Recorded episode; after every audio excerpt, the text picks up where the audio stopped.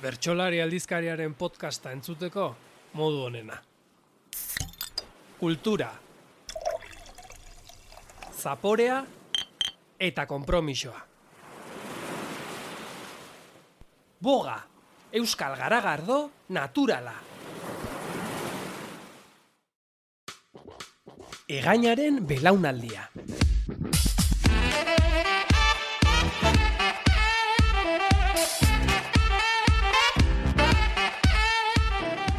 Bertsolaritzan lurrikara eragin zuen belaunaldi baten pasadizoak eta gogoetak.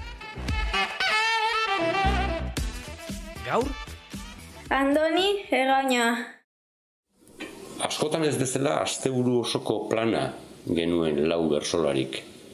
Sebastian Lizaso, Iñaki Murua, Jon Sarasua eta ni Neoni. E, larun bat arratzaldean Elizondon jaialdia geneukan, e, plan egin genuen amaiurko etxe batean lotan geratzeko, eta urren webunean, bai, ja bertatik bertara, e, zenpereko herri urratzera joateko. Beraz, ba, bueno, larun batetik iganderako elkarrekin eman behar genuen. Larun bat arratzaldean egin genuen jaialdia lauok. Elizondon.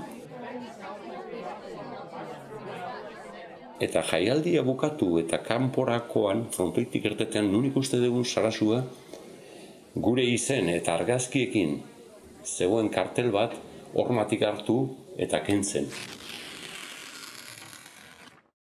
Tolestatu eta patrikan sartzen. Eta esan genion, John, zeite, zerra izire fansa, edo, eure buruaren fansa. Eta esan zion, e, ezke ba, ezke konturatu nahu karnetik eta pasaporterik eta ez gabe etorri nahi zela. Eta orduan, bihar, muga pasatzerakoan, zenperera bidean, aterako dira kartela, eta zuen hola badauzkatzuen dokumentuak, esango ziet, e, zezi egaina, e, este Sebastián Lizaso, este muru, el que falta jo, sarasua.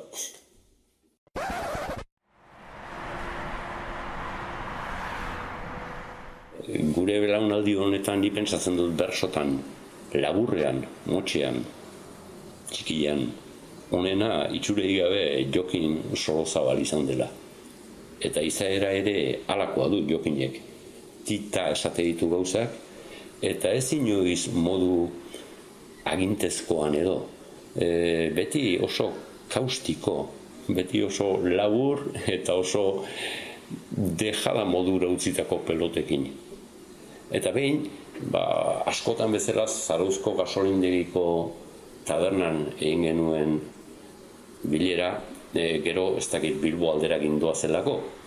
E, hartu genuen kafea eta kafetegitik erteteko momentuan ba, betiko zalantza. Ze jungo gaituk idean edo nerean, e, nerean edo irean.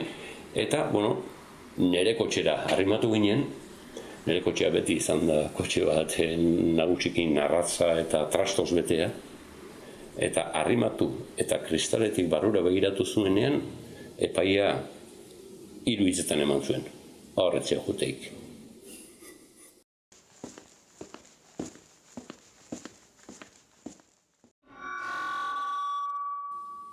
Olzalagunak izan ditut nik, haiekin beti gustora.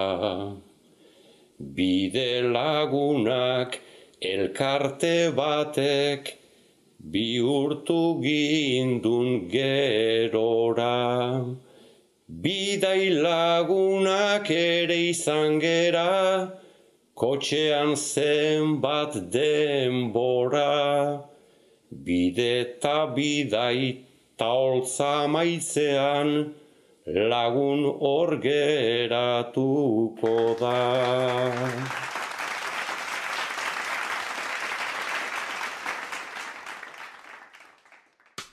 Egainaren belaunaldia.